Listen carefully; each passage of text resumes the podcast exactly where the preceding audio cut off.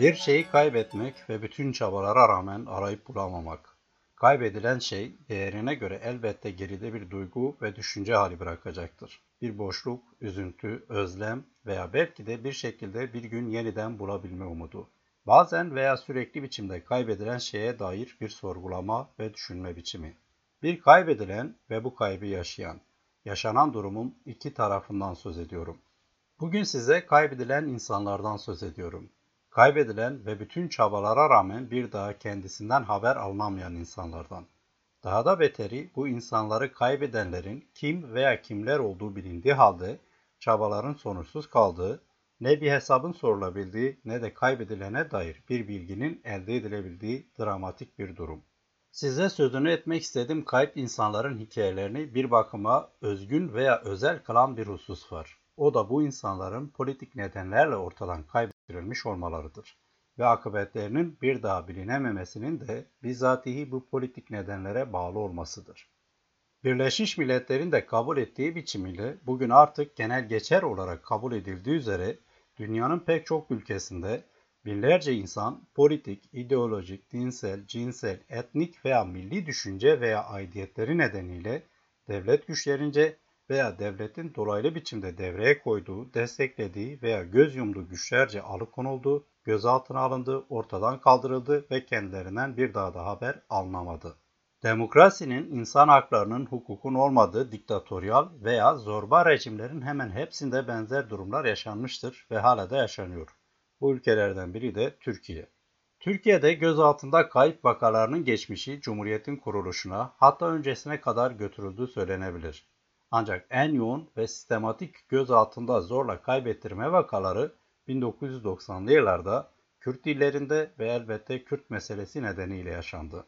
Kaşkiçi'nin politik, etnik ve milli aidiyetleri, kimlikleri veya faaliyetleri nedeniyle gözaltına alınıp kaybettirildiği konusunda ne yazık ki net bir istatistikten söz etmek zor. Elle tutulabilir tek istatistiğin bu konuya dair araştırmalar yapan Hafıza ve Adalet Merkezi tarafından ortaya konulduğu söylenebilir. Buna göre 1353 kayıp vakasından söz ediliyor. Birleşmiş Milletler'in belirlediği çerçevede gözaltında zorla kaybettirilme kriterlerine göre aynı merkezin netleştirdiği net veri ise 9'u kadın toplam 450 kişi ve bu kayıplardan sadece 128 tanesinin bedenleri bulundu ve aileleri tarafından defnedildi.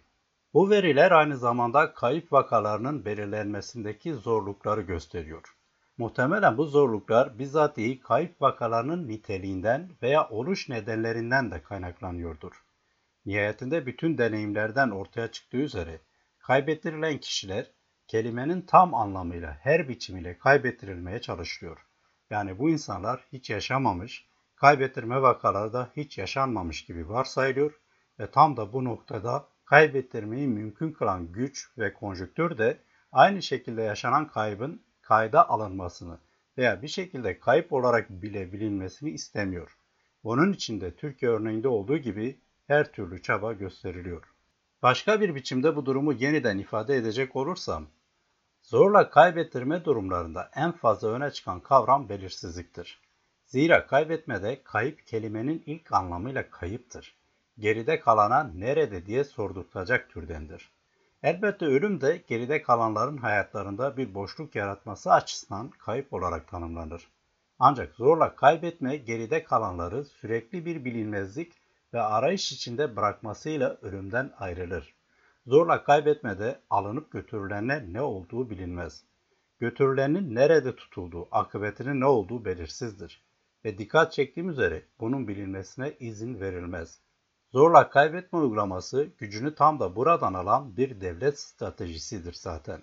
Kaybetmenin geride kalanlar üzerinde yarattığı korku, verdiği mesaj, yarattığı etki nedeniyle devletin bu stratejide ısrarcı olduğu ileri sürülebilir.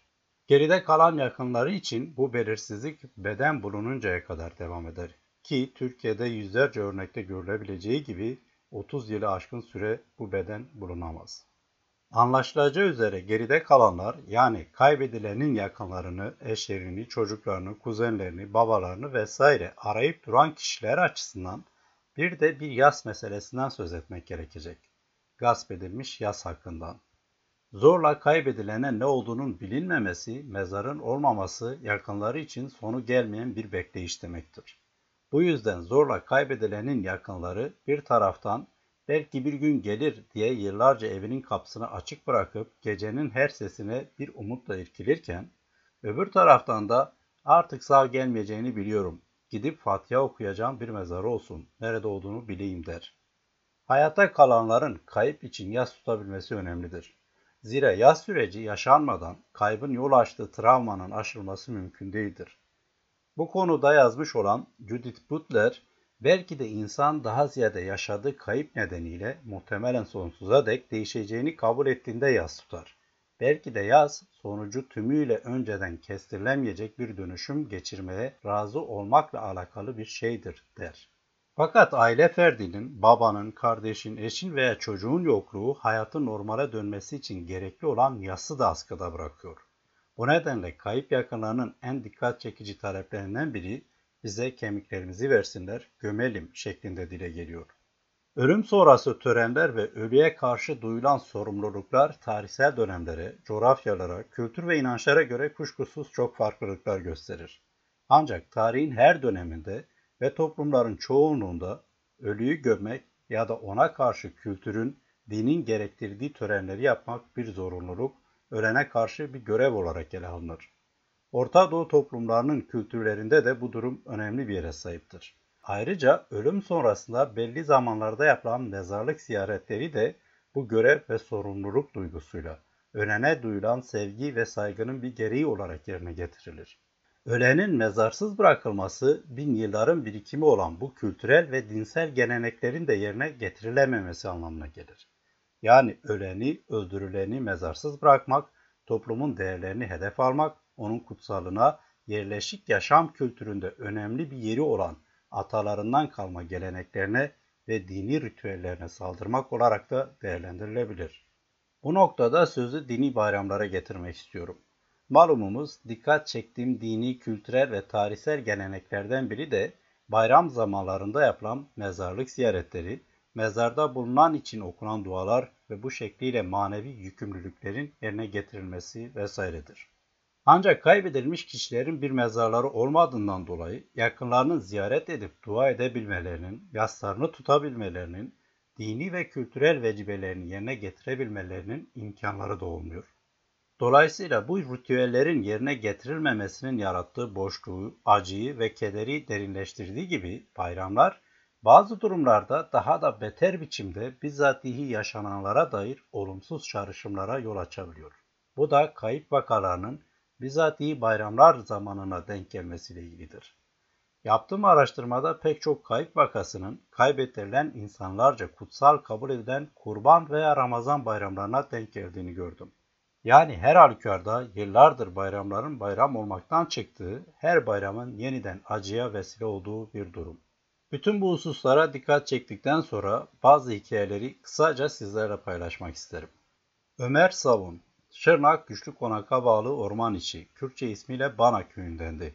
Daha 30'lu yaşlardaydı. Üç çocuğu vardı. En küçükleri daha kundaktaydı. 1989'un Ramazan bayramından bir gün önce 5 Mayıs'ta evine baskın yapıldı, gözaltına alındı. Defalarca gözaltına alınmıştı, işkenceye maruz kalmıştı. Sonucunda yine gözaltına alındığında yine işkence eder bırakırlar diye bekliyordu ailesi. Ama öyle olmadı. Bir daha dönmedi ve akıbeti hala bilinmiyor. Ömer Savun, Şırnak'ta belirlenebildiği kadarıyla gözaltında kaybettirilen 211 kişiden sadece biriydi. Nezir Acar, Mardin Dargeçit'e bağlı Yalnız köyündendi. Üç çocuk babasıydı. Pek çok kere gözaltına alınanlardandı ve resmi açıdan hep şüpheli görülüyordu. Hayvan ticaretiyle uğraşıyordu. Bu amaçla Dargeçit'e gitmişti. 8 Nisan 1992'de 3 günlük Ramazan bayramından sonraki gün Dargeçit'te gözaltına alındı ve bir daha kendisinden haber alınamadı. Bitlis, Tatva'nın Karıkan köyü 70 yaşındaki Hacı Mehmet Şişman bir hafta gözaltında tutulmuş ve Kurban Bayramı'ndan önceki gün 10 Haziran 1992'de serbest bırakılmıştı. Çocukları ve köylüleri gözaltında çıkan Hacı Mehmet'i ve ertesi gün bayram namazını kıldırmak için de İmam Hikmetullah Diksin'i yanlarına alarak köy minibüsüyle köy yoluna koyuldular. yolda minibüs durduruldu ve maskeli kişilerce tarandı. Hikmetullah Diksin, Hacı Mehmet Şişman, Ahmet Şişman, Mahmut Şişman, Adil Şişman, İbrahim Işık, Mahmut Üzer, Abdullah Özbaş, Yaşar Alayurt, Mehmet Ali Şili, Kemal Şili, Aziz Taşoğlu ve Mahmut Güreş adlı 13 masum sivil katledildi. Gözaltından çıktığı gün öldürülen Hacı Mehmet Şişman 70 yaşındaydı. Öldürülen en küçük kişi ise 12 yaşındaki Mahmut Güreş'ti. Faillerini bulmak yerine devlet Karıkön köyünü boşalttı. Hacı Mehmet'in oğlu ve Ahmet, Mahmut ve Adil Şişman'ın da kardeşi olan Maruf Şişman yaşadığı trajedi yetmezmiş gibi sistematik baskıya maruz kaldı, tutuklandı, önce İstanbul'a daha sonra Rusya'ya göç etmek zorunda kaldı. 19 yıl sonra 2011'de ilk kez bu konuyla ilgili haber yaptığımda kendisiyle görüşmüştüm. Şans eseri minibüse son anda bindirilmemişti, yoksa öldürülen 14. kişi olacaktı ve tek istediği ise bu katliamın unutulmamasıydı. Karıkan katliamı bir gözaltında zorla kaybettirme olayı değil. Ancak önceki ve sonraki yıllarda benzer biçimde tekrarlanan failleri belli olduğu halde faili meçhule terk edilen pek çok katliamın önemli bir halkasıydı. Ve Kurban Bayramı'nın arifesinde sivil insanlar kurban seçilmişti. 1990'lı yıllarda pek çok sivil katliam, faili meçhul cinayet ve gözaltında kayıp vakası yaşandı. Özellikle de 1992, 93 ve 94 yıllarında bu vakalar zirve yaptı. Nitekim Ramazan ve Kurban bayramlarına denk gelen gözaltında zorla kaybettirme vakalarının en fazla yaşandığı yıllardan biri de 1994'tü. Ramazan bayramından bir hafta önce 6 Mart 1994'te Cizre'de esnaf olan Süleyman Gasyak, akrabası Ömer Cindoruk ile Silopya gidiyordu.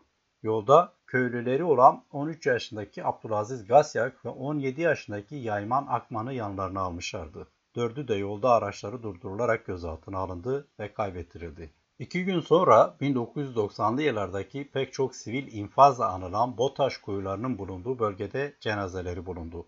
Avrupa İnsan Hakları Mahkemesi Türkiye'yi mahkum etti. Ancak fail olarak yargılanan dönemin yetkililerinden Albay Cemal Temizöz ve pek çok asker Türkiye'de 2015'te beraat ettirildi. 1994'teki Ramazan bayramı öncesinde, sonrasında ve sırasında gözaltında kaybettirme ve infaz haberleri gelmeye devam ediyordu. Cüneyt Aydınlar 20 Şubat 1994'te Ramazan ayında İstanbul Bakırköy'de gözaltına alınan 27 Şubat'ta gözaltı kaydı yapılan ancak daha sonra kendisinden haber alınamayan üniversite öğrencisi. Kamuoyu baskısı sonucunda İstanbul Emniyeti 1990'lı yılların klasik açıklamalarından birini yapmıştı. Gözaltındayken olay geri incelemesi sırasında kaçtı gitti. Elbette olay böyle değildi ve bir daha aydınların akıbetinden haber alınamadı. Halis Kılıç, Metin Karsüt 20 Mart 1994'te Ramazan bayramından bir hafta sonra Diyarbakır Silva'nın Cumat köyündeki bahçelerini budamaya giden Halis Kılıç ve Metin Karsüt gözaltına alındı. İki gün sonra aynı köyde cansız bedenleri bulundu. Halis daha 6 aylık evliydi ve infaz edildikten 7 ay sonra çocuğu oldu. Babasını hiç göremeyen çocuklardan biri.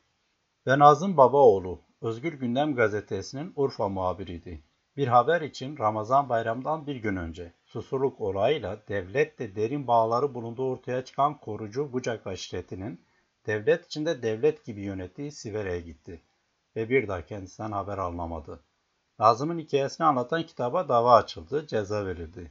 Aynı dönemde Urfa'da görev yapan pek maharetli vali ise daha sonra AKP'de siyasete koyuldu. Daha 19 yaşında olan Nazım ise hala kayıp. Benzer dramlar 1994'ün Kurban Bayramı öncesinde, sırasında ve sonrasında da yaşanmaya devam etti. Bulut ve Örhan aileleri, Diyarbakır, Lice ve Kulp ilçeleri. Kurban Bayramı'ndan 8 gün önce 13 Mayıs 1994'te operasyona çıkan askerler Lice'nin Kabakkaya köyünü ateşe verdi ve Mustafa Bulut'u gözaltına aldı. Ertesi gün akıbetini sormaya giden kardeşi Fahri Bulut ve daha sonra ikisinin akıbetini sormaya giden Ekrem, Ramazan ve Ali Bulut da gözaltına alındılar. Bulut ailesinin dramından 10 gün sonra Kurban Bayramı'nın 3. gününde 24 Mayıs 1994'te bu kez Diyarbakır'ın Kulp ilçesinde Örhan ailesi aynı akıbeti yaşayacaktı. Kulp'un deve boyu mezrasına baskan yapan askerler evleri ateşe verdikten sonra Mehmet Selim Örhan, kardeşi Hasan Örhan ve 17 yaşındaki yeğenleri Cezayir Örhan'ı gözaltına aldılar. Bu iki olaydan sonra ne Bulut ailesinin ne de Örhan ailesinin fertlerinden bir daha haber alınamadı. Daha sonra 12 Haziran 1994'te Kulp'un Bağcılar köyü yakınlarında 8 kişiye ait cenazelerin toplu halde gömüldüğü ortaya çıktı. Ailelerin ve İnsan Hakları Derneği'nin ısrarlı çabaları sonucunda bu toplu mezarlar ancak 2003'te açılabildi. DNA incelemesinde kemiklerin Mehmet Selim ve Hasan Örhan ile Ali, Ekrem ve Ramazan Bulut'a ait olduğu belirlendi. Diğer üç kişinin kemikleri ise belirlenemedi. Böylece Cezayir Örhan ile Mustafa ve Fahri Bulut'un kemikleri de bulunamamış oldu ve onlar kayıp olarak kalmaya devam ediyor. Kimlikleri tespit edilen kişilerin kemiklerinin başına gelenler ise ayrı bir dramdı. İncelenmek üzere adli tıba gönderilen kemikleri almak isteyen Bulut ve Örhan ailesine bu kez kemiklerin kayıp olduğu söylenmişti. Ailelerin ısrarlı başvuruları sonrasında Kurp Cumhuriyet Başsavcılığı 2 yıl sonra kimlikleri belirlenen Bulut ve Örhan ailelerinin fertleri dahil 8 kişiye ait kemikleri aynı torba içinde kimsesizler mezarlığına gömüldüğünü ve kemikleri ayrıştırarak veremeyeceklerini, aileler isterlerse aynı torba içinde kemiklerin verilebileceğini bildirdi. Lice ve Kurp'taki bu kayıp ve infazlar nedeniyle 20 yıl sonra 2013'te dönemin askeri yetkililerinden Tuğ General Yavuz Ertürk hakkında dava açıldı.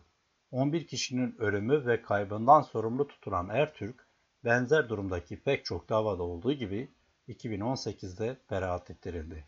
Babası Mehmet Selim Örhan kaybettirildiğinde henüz 12 yaşında olan Adnan Örhan yıllar sonra şunu diyecekti. Tarifsiz acılar sonucunda biz Felliceli Bulut ailesi beraber aynı kabrin etrafında toplanıyoruz. Bulut ve Örhan ailesinin akıbeti aynı hafta içinde Lice'nin Türeli köylülerinin de başına geldi. Türeli'yi basan askerler burayı da ateşe verdikten sonra 6 kişi gözaltına aldı, götürdü. Daha sonra 3 kişi bırakıldı.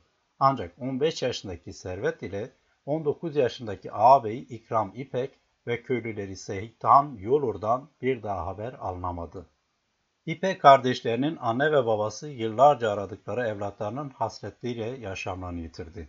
İpek kardeşlerin akıbetini sormaya devam eden kuzenleri Aziz Öztürk ise şöyle demişti. Kaç bayram oldu kuzenlerimin bir mezarı bile yok. Bayramlar artık bizim için bir anlam ifade etmiyor. Çünkü gidip dua okuyacak bir mezarları bile yok. Ve 1994'ün Kurban Bayramı'ndaki kayıp kurbanlar bu kadarla sınırlı değil. Mardin'de Piru Ay, Kurban Bayramı'ndan 4 gün önce 17 Mayıs 1994'te gözaltına alındı ve hala kayıp. Halil Alpsoy, 12 Mayıs 1994'te İstanbul'da eşi ve 40 günlük bebeğiyle evine giderken gözaltına alındı. 18 gün sonra işkenceden tanınmaz hale gelmiş bedeni Kırıkkale'de bulundu. Halil'den bir hafta sonra Kurban Bayramı'ndan 3 gün önce bu kez amcasının oğlu Kasım Alpsoy kurban seçildi. Kasım Adana'da gözaltına alındı, işkence edildi ve bırakıldı. Ertesi gün kimliğini alması için tekrar karakola giden Kasım'dan bir daha haber alınamadı. Mursal Zeyrek Şırnak Silopi'nin Çalışkan köyünde oturuyordu. 25 Mayıs 1994'te Kurban Bayramı'nın son gününde gittiği karakoldan bir daha dönemedi. Akıbeti hala bilinmiyor. 1994'ün Kurban Bayramı'nda yaşanan trajediler gözaltında kayıp vakalarıyla sınırlı değildi. Bu yılın bayramında Siirt'in Baykan ilçesine bağlı Ardışsalı, Kürtçe ismiyle Helikan köyünde de bir trajedi yaşanmıştı. Sürekli olarak korucu olması istenen İmam ya da Mele Ahmet Ağarman bu dayatmalara direnmişti. Bu nedenle de hem koruculardan hem de devlet güçlerinden sık sık tehditler almıştı. Kurban Bayramı'nın ikinci gününde 23 Mayıs 1994'te gece vakti köydeki evi kimliği belirsiz kişilerce basıldı, ev tarandı. Ahmet Arman ile birlikte eşi Gülistan ve çocukları Lokman, Mazhar ve Cihan katledildi. Daha sonra evleri ateşe verildi ve cenazeleri yakıldı. Aynı gece Mele Ahmet'in akrabası Çetin Ağarman'ın da evi basıldı. Çetin ve annesi Şefik Ağarman da tarandı, evle birlikte cenazeleri yakıldı. Devlete göre bu katliamı PKK yaptı. Katledilen Şefika Ağarman'ın kızı Maşallah'a göre ise hiç kuşkusuz köydeki korucular katliamı yapmıştı. Ve bir anekdotu da paylaşmakta fayda görüyorum. Ki bu Melahmet Ağarman'ın neden hedef alındığının da aslında bir kanıtıdır. 1970'lerin başında kurulan, kısa süre sonra birçok Kürt kentinde örgütlenen 12 Mart 1971 muhtırası sonrasında kapatılan ve onlarca üyesi tutuklanan Devrimci Doğu Kültür Ocakları'nın yani DDKO'nun dava dosyasında şöyle bir bilgi yer alıyordu. Bölge il ve ilçelerinde devletin halka yönelik baskılarını birçok kişi DDKO'nun şubelerine bildiriyordu ve DDKO bu baskıları kamuoyuyla paylaşıyordu. Mesela DDKO'nun en bildik açıklamalarından biri söz konusu dönemde köylere yapılan komando baskınlarıydı. DDKO'ya derdini veya şikayetlerini bildiren isimlerden biri de Sirt Baykan'ın Helikan köyünden 10 yaşındaki Ahmet Arman'dı. Arman, ana dilinin Kürtçe olduğunu söylemesine rağmen nüfus sayım memurunun bunu kaydetmediğini paylaşıyordu. Daha 10 yaşındayken Kürt kimliğine sahip çıkan Arman, aşağı yukarı 20 yıl sonra sahip çıkmaya devam ettiği bu kimliğinden dolayı ailesiyle birlikte bir kurban bayramda korkunç biçimde katledilmişti. Ve bayramların trajediye dönüştüğü 1990'lara dair hikayeleri 95'ten iki örnekle bitirmek istiyorum. Rıdvan Karakoç, Ağrı tutaklıydı. Daha sonra İstanbul'a taşınmış ve ardından Avrupa'ya çıkmıştı. Hakkında sınır dışı kararı verilince İstanbul'da ikamet etmeye devam etti. 1990'ların başında pek çok Kürt kurumunda çalıştı. Bu nedenle hakkında arama kararı çıkarıldı. Bir süre gizlenen ve ailesiyle gizlice irtibata geçen Karakoç'tan daha sonra haber alınamadı. Aynı günlerde gözaltına alınıp haber alınamayan bir diğer isim de Hasan Ocak'tı. 12 Mart 1995'te İstanbul'da Gazi Mahallesi'nde Alevilere yönelik katliam gerçekleştirilmişti. Katliamdan bir hafta sonra 21 Mart'ta Hasan Ocak gözaltına alınmış ve kaybettirilmişti. Hasan Ocak'ın cenazesi 5 gün sonra İstanbul Beykoz ormanlarında köylüler tarafından bulunmuş, işkence nedeniyle tanınmaz haldeki cenaze kimsesizler mezarına defnedilmiş ve ailesi ancak 15 Mayıs 1995'te cenazeyi bulabilmişti. Ocağın ailesi çocuklarını ararken Adli Tıp Kurumu'nun kayıtlarında tesadüfen Rıdvan Karakoç'a dair bilgilere rast gelmişti. Bunun üzerine Karakoç'un akıbetini araştıran ailesi, Karakoç'un cenazesinin de Ocak'ın cenazesinin bulunduğu bölgede Beykoz ormanlarında 2 Mart 1995'te Ramazan bayramının ilk gününde köylüler tarafından bulunduğunu, cenazenin 26 Mart'ta adli tıpa teslim edildiğini, daha sonra kimsesizler mezarlığına defnedildiğini öğrenmişti. Ailesi 3 ay sonra Karakoç'un cenazesini alabilmişti. İstanbul'da bunlar olurken öbür uçta Hakkari'de de aynı dönemlerde 1990'lı yılların bir başka fotoğrafını gösteren gelişmeler oluyordu. Naif Demir 6 Mart 1995'ten beri kendisinden haber alınamıyor. Kayıtlara kayıp olarak geçen isimlerden biri. İddialara göre Demir ailesi 1983'ten itibaren PKK ile çatışmalıydı ve bu nedenle devlette yakın ilişkileri bulunuyordu. Naif Demir de sınır bölgesindeki askerlerle birlikte silah kaçakçılığı işini yapıyordu. 1996'daki Susurluk olayıyla birlikte ortaya çıkan pek çok devlet bağlantılı mafyatik ve karanlık organizasyonlardan biri de Yüksekova çetesiydi. Bu çetenin üyesi olan Kahraman Bilgiç pek çok itirafta bulunmuştu. Bu itiraflardan biri de Naif Demir'in akıbeti hakkındaydı. Bilgiç'e göre Naif Demir ile silah kaçakçılığı işini birlikte yaptığı Çukurca'daki askeri yetkililer arasında para anlaşmazlığı yaşanmış ve bunun üzerine Demir askerlerce öldürüldükten sonra cesedi zap suyuna atılmıştı. 1990'ların bayramlarına dair bu hikayeler elbette bugüne de dairdir. En basitinden gözaltına alınan insanların hala akıbetleri bilinmiyor. Yıllar sonra açılabilen bazı davalarda günümüzde failler aklanıyor Katledilen insanların failleri bilindiği halde alenen kurulmaya devam ediliyor. En önemlisi de hala çatışma iklimi var. Devlet hala 1990'lardaki gibi şiddetle Kürt meselesini çözmekte ısrar ediyor ve haliyle cenazeler gelmeye, evlere ateş düşmeye ve bayramlarda keder ve yaz zamanları olmaya devam ediyor. Ve en son 28 Eylül 2009'da Diyarbakır'ın Lice ilçesinde 12 yaşındaki Ceylan Önkol havan topuyla öldürüldüğünde Ramazan bayramının üzerinden sadece bir hafta geçmişti. Ve yine Eylül ayında 7 Eylül 2015'te bu kez Kurban Bayramı'na günler kala Cizre'de 10 yaşındaki Cemile Çağırga öldürüldü. Ailesi cenazesini bozulmasın diye buzdolabında saklamak zorunda kalmıştı. Bu çocuğun geçmişi de o günü de hiç bayramlık olmadı. 1992'de ablası Fatma da kendisiyle aynı yaştayken dedesi, nenesi, yengesi ve kuzeniyle birlikte bir havan topuyla öldürülmüştü. Cemile ile aynı zamanlarda Cizre bodrumlarında insanlar diri diri yakıldı ve dönemin başbakanı Ahmet Davutoğlu bütün bir tarihi ezberi tekrarlamıştı. Ölen sivil yok. Fotoğraflardaki Ceylan'ın kocaman gözleri ve bir buzdolabının Cizre'de hatırlattıkları hafızalara kazınan bütün bu trajedilerin sembolü olmaya devam ediyor. Ve elbette acıyı diri tutan kara bayramları.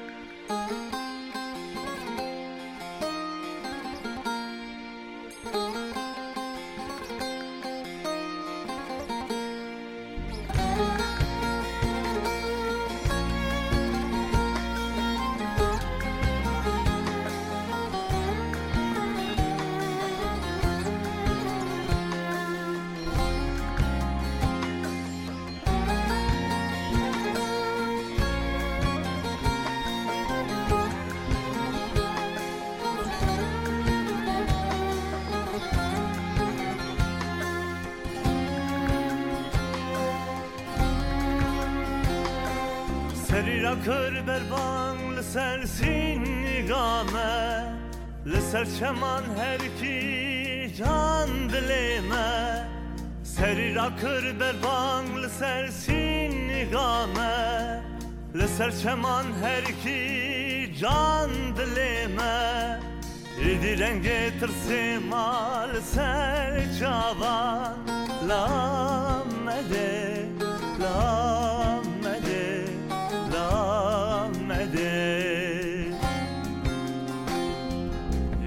Genge tırsimar ser çava Lan mede Lan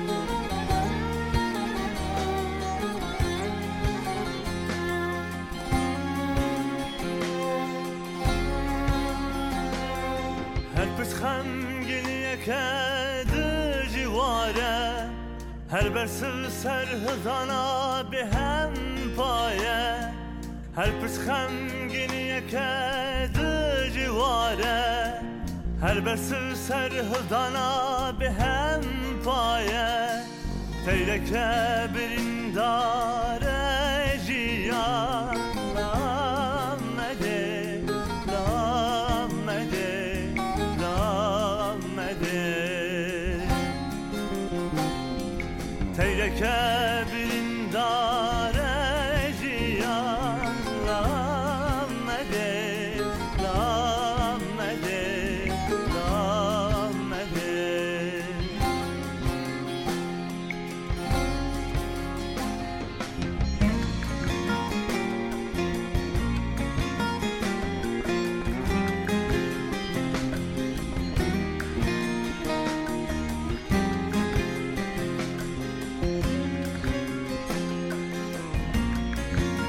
îro li nava bajarê Amedê kesek kuştin.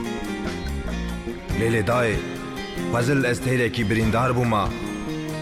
Minê xwe berda nava kuçê Amedê, minê destê wî kesî bigirta û hilda bibira ber behra wanê. Krasê mirinê li xwe kirine Kolan çavên xwe bixîn şuştine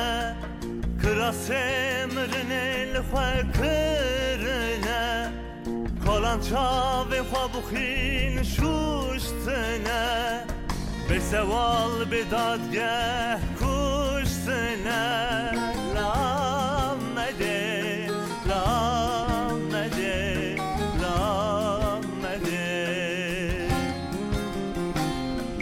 Be seval be dadge